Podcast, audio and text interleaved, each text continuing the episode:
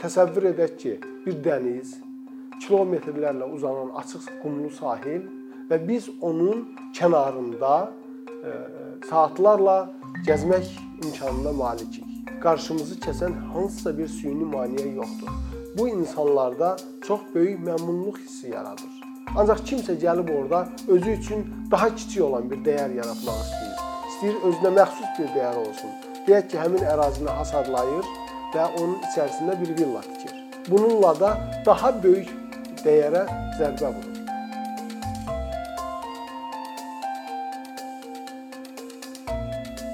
E, deməli bugünkü mövzumuz bizim ekosistem dəyərləri haqqındadır.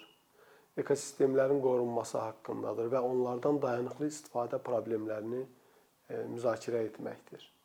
Ekosistem dəyərləri nədir? Bircə şey deyim ki, biz dəyər deyəndə hansısa bir maddi gəliri, maddi vəsaiti nəzərdə tutmuruq. Dəyər özü özlüyündə qorunmalı olan və yaşamaq hüququ olan bir təbiət hadisəsi və yaxud təbiət obyektidir. Ekosistem dəyərləri iki hissəyə bölünür. İstifadə dəyərləri və bir də qeyri-istifadə dəyərləri. İstifadə dəyərlərinə aiddir ekosistem xidmətləri. Biz ekosistem ekosistemlərdən həmişə nə isə götürürük su götürürük, e, meşə sərvətlərini götürürük, meşə resurslarından yararlanırıq, e, e, nəfəs alırıq. Bunun özü də bir dəyərdir.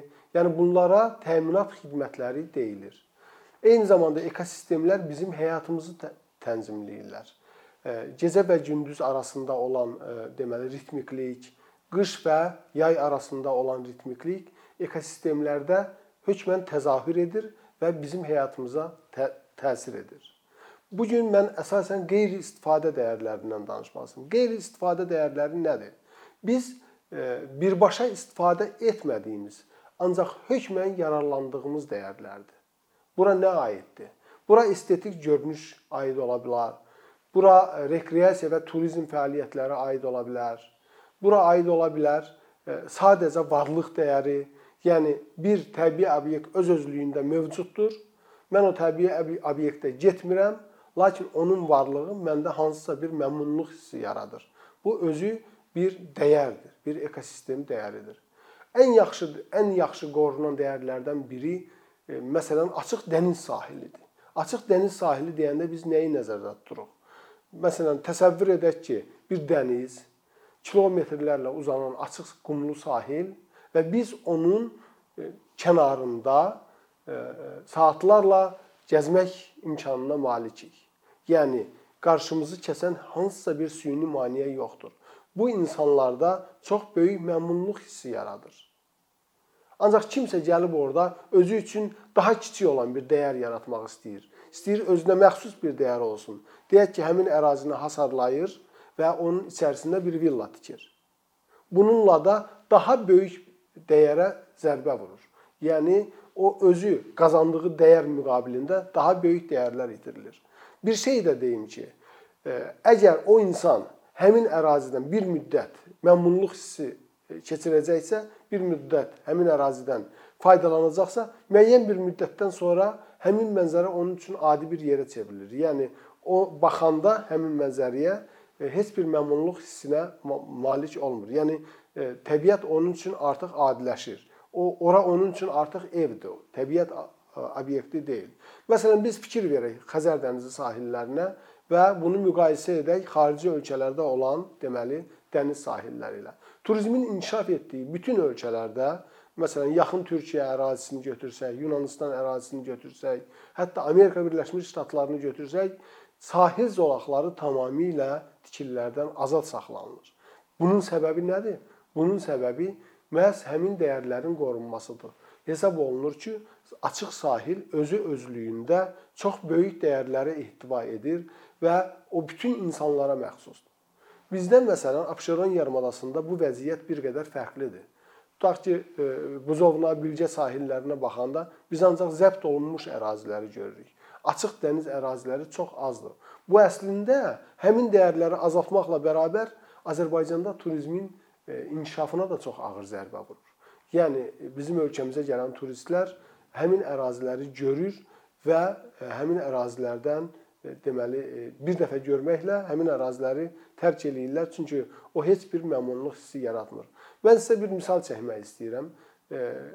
Abşeron yarımadasında yeganə təmiz qalmış yer azdan çoxdan bu Zirə sahilləri idi. Amma bu yaxınlarda mən ora gedəndə çox təəssüf hissi ilə qeyd etməliyəm ki, orada Zirə portunun qurulmasını gördüm. Çox eybəcər bir deməli arxitektura formasına malik olan bir port tikilib, çox hündür hasarlar çəkilib dənizin sahilinə. Yəni o portun orada tikilməsi, o limanın orada tikilməsi e, hansı zərurətdən irəli gəlirdi, başa düşmək e, çox çətindir.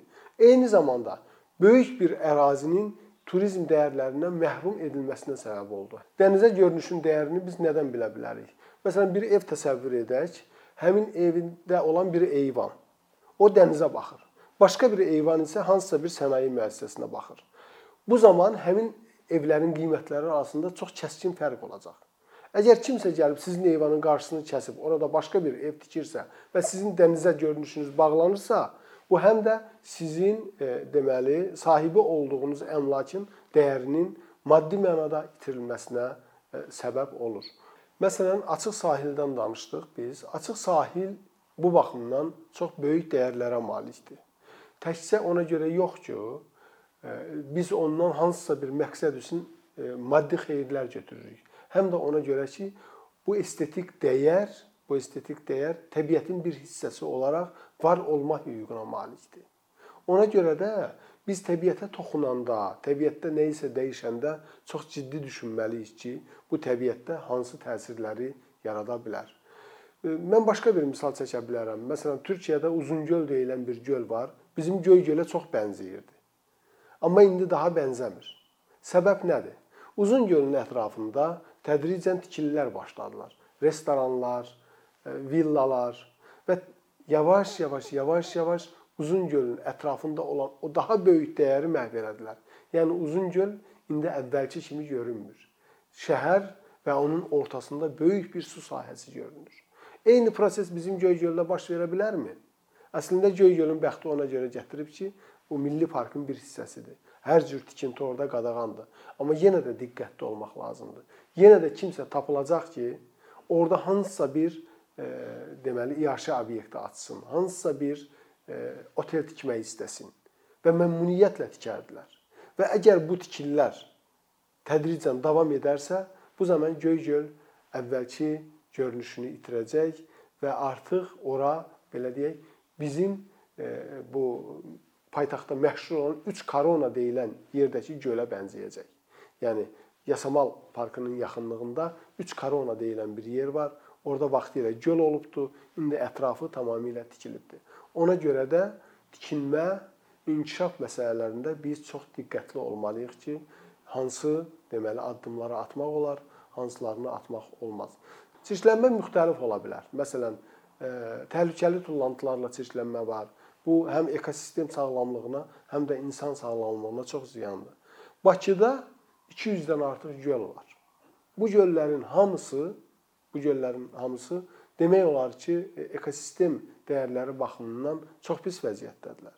Son 200 ildə Abşeron yarımadasında neft istehsalı zamanı heç bir ətraf mühit standartına əməl edilməyib. Göl çirklənib.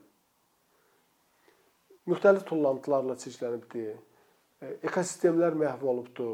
Görünüş məhv olubdu.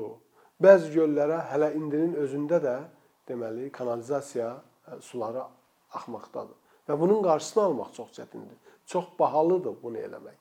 Məsələn, Xocasən gölü vaxtı ilə Abşeron yarımadasında ən yaxşı balıq yaşayan bir ekosistem idi.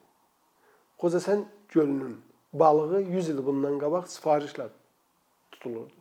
Yəni sabah üçün, müəyyən günlər üçün sifariş verilirdi ki, bizə balıq gətirin. Bu gün Xocasən gölündə bir dənə də olsun balıq yoxdur. Yəni bu dəyərlər artıq bizim üçün itirilibdir və onun bərpası, bərpası çox bahalı bir proses olacaqdır. Çox belə deyək, qiymətli, daha çox xərc tələb edən bir prosesə çevriləcəkdir. Ona görə də biz bərpa layihələrini həyata keçiriləndə keçirməmişdən əvvəl düşünməliyik ki, biz ərazinin dəyərlərinə hansı dərəcədə hansı səviyyədə deməli ziyan dəyibdi və bu ziyanın qarşısı necə alına bilər gələcəkdə, gələcək. E, Abşeron göllərindən danışarkən mən burada bərk tullantılar məsələsində hökmən önə çəkmək istəyirəm. Və təsəvvür edək ki, biz gözəl bir yerə gedirik, bir meşəlik əraziyə və orada bərk tullantılarının qalaqlarını görürük. Həmin an, həmin ərazi bizim gözümüzdən düşür. Artıq o heç bir dəyərə malik deyil. Nə turizm baxımından, nə estetik baxımından, nə iqtisadi baxımdan orada heç bir dəyərdən söhbət gedə bilməz. Ona görə də, ona görə də ətraf mühitin qorunmasında idarəetmə və dayanıqlılıq çox vacib bir şərt kimi önə çıxır. Dayanıqlılıq nədir? Dayanıqlılıq, dayanıqlı istifadə o istifadədir ki, biz resurs mənbəyini tükəndirmirik. Onu gələcək nəsillər üçün də saxlayırıq. Məsələn, bizdən 100 il əvvəl yaşayanlar Xocəsən gölündən balıq tutub yeyə bildilər. Amma bu gün biz o istifadədən məhrum olmuşuq. Bunun səbəbi nədən ibarətdir? Bunun səbəbi nədir? Çünki dayanıqlılıq prinsipi qorunmayıbdır. Biz dayanıqlılığa əməl etdikcə təbiət özü özünü bərpa edib, özü özünü qoruyacaqdır. Əgər bir göl, çirkli bir göl uzun müddət ərzində sadəcə çirkləndirilməsə, ekosistem burada bərpa olunacaq və əvvəlki dəyərlər öz-özünə qayıdacaqdır. Bu əsas deməli məsələlərdən biridir. Bayaq mən hasarlamadan danışdım, dənizin çirklənməsindən danışdıq bərk tullantıların atılmasından danışdıq. Bizim e, ötən il çox maraqlı bir araşdırmamız oldu. Abşeron yarımadası yerli əhalisi və Xəzər dənizi arasında hansı əlaqələr mövcuddur? Biz sorğu keçirdik və məlum oldu ki, 100 il bundan qabaq olan bağlar, 100 il bundan qabaq olan əlaqələr artıq itirilibdir.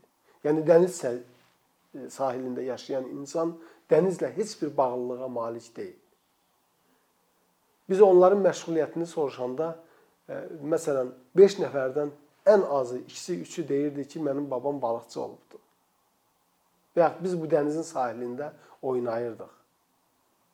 Elə bu yaxınlarda bir nəfəri gördüm. O çox pis olub, məsələn, buzovnada yaşayır. Buzovna sahillərində qayalıqlar var. Deyir, mənim uşaqlığımın keçdiyi yerdir.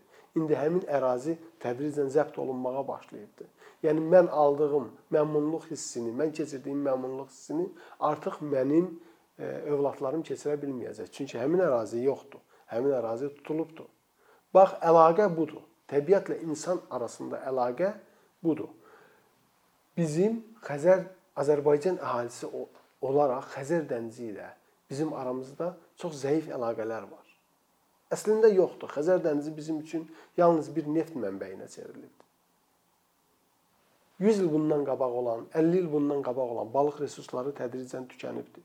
Böyük bir göl və onun ətrafındakı 5 ölkənin bütün çirkab suları demək olar ki, 150-200 il boyunca Xəzər dənizinə axıbdı. Əvvəllər bu mümkün deyildi. Yəni bu qədər iri şəhərlər yox idi.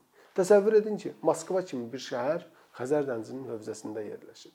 Yəni əgər Moskva və Volqa boyu şəhərlərin suları təmizlənmirsə, bu Xəzər dənizinə gəlib çıxacaq. Tbilisi şəhəri heç bir təmizləmə keçmədən öz tullantılarını Kür çayına axır, axıdır və o da Xəzər dənizinə gəlib çatır. Nəticə nə oldu? Bizim bir hesablama var. 1960-cı illərdə Xəzər dənizində tutulan balığı biz bugünkü qiymətlərlə hesabladıq və onu 300 ilə vurduq. Əgər 60-cı illərdə tutulan balığın miqdarında biz indi də balıq tutsaydıq və 300 il sonra da balıq tutsaydıq, bu neftdən gələn gəliri dəfələrlə üstələnmiş olardı. Və bu çox maraqlı bir yanaşma. Bu dayanıqlılıq yanaşmasıdır. İndi Xəzər dənizi geriyə çəkilir, öz sahəsini getdikcə azaldır. Dəniz çirklidir.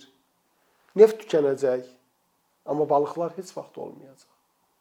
Və bu bərpa prosesləri bizim üçün çox böyük xərclər tələb edəcək.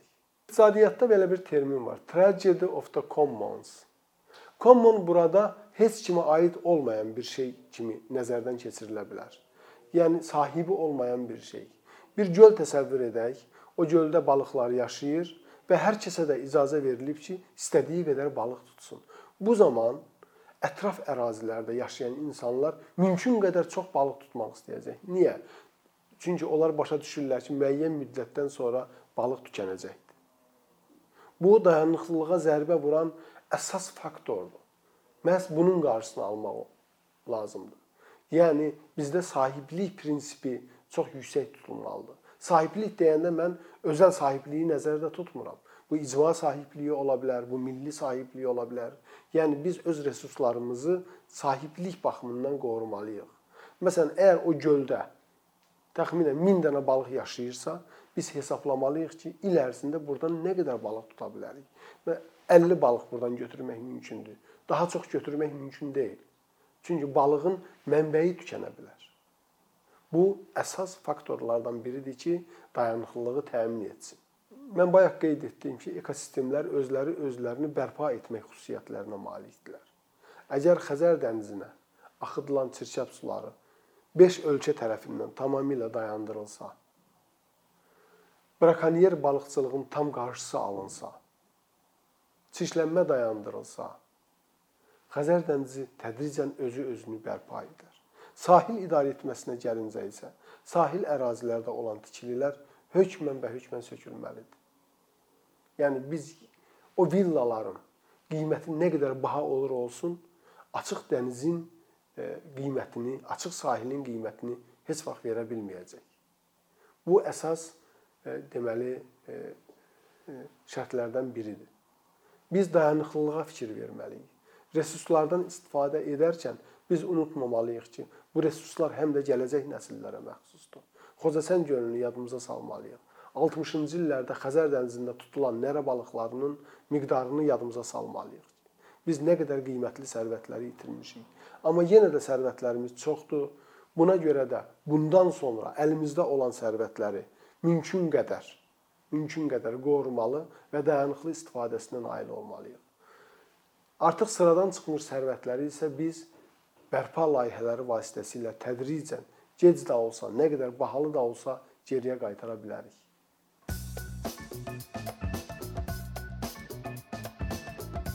Bir neçə ildir ki, əkinçi olaraq Azərbaycanlı izləyicilərin hər zaman faydalana biləcəyi keyfiyyətli və ən əsas ödənişsiz kontent hazırlamağa çalışırıq. İndiyədək təqdim etdiyimiz onlarla animasiya və yüzlərlə çəkilişlər tələbələrin, mütəxəssislərin, müəllimlərin və ümumiyyətlə yeni mövzulardan xəbərdar olmaq istəyən çox sayda insanın marağına səbəb olub. Bu illər ərzində hazırladığımız videolar təhsil, texnologiya, ictimai fəallıq, iqtisadiyyat, gender bərabərliyi, ətraf mühit, ifadə ifadə azadlığı, hüquq, demokratik inkişaf, mədəniyyət və digər mövzuları əhatə edib. Məqsədimiz çoxlu baxış gətirən deyil, çoxlu fayda gətirən videolar hazırlamaqdır. Amma bu düşündüyümüz qədər asan deyilmiş. Gördüyümüz iş kifayət qədər resurs, əmək və təbii ki, davamlılıq tələb edir. Bu səbəbdən Patreon platformasından istifadəyə başladıq. Əkinçinin Patreon hesabının populyarlaşmasına çox böyük ümidlərimiz və gözləntilərimiz var.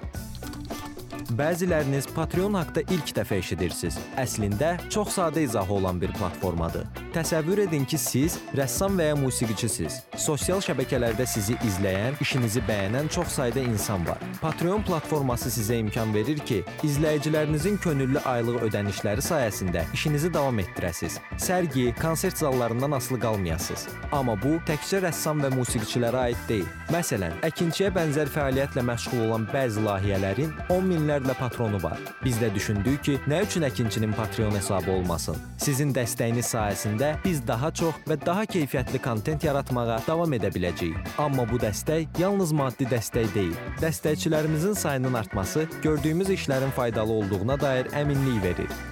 Patreon platformasından istifadə çox sadədir. Hesabınızı açırsınız, sizə uyğun dəstək növünü seçirsiniz və Patreon özü hər ayın ilk günü kartınızdan seçdiyiniz dəstək növünə uyğun ödəniş tutur. Bu qədər. Sonda onu demək istəyirik ki, dəstəkçilərin sırasına qoşulmaq istəyən, amma məhdud imkana görə bunu edə bilməyənlər narahat olmasın. Daha öncə dediyimiz kimi, bizim əsas məqsədimiz daha çox insanın hər zaman faydalana biləcəyi keyfiyyətli və ödənişsiz kontentin yaradılmasıdır. Bunun üçün mütləq patronumuz patronumuz olmalısınız deyə məcburiyyət yoxdur. Amma imkanınız patron olmağa çatırsa və bizim işimizi bəyənirsinizsə, patronlarımızın sırasına qoşulmağınız bizim üçün çox önəmlidir.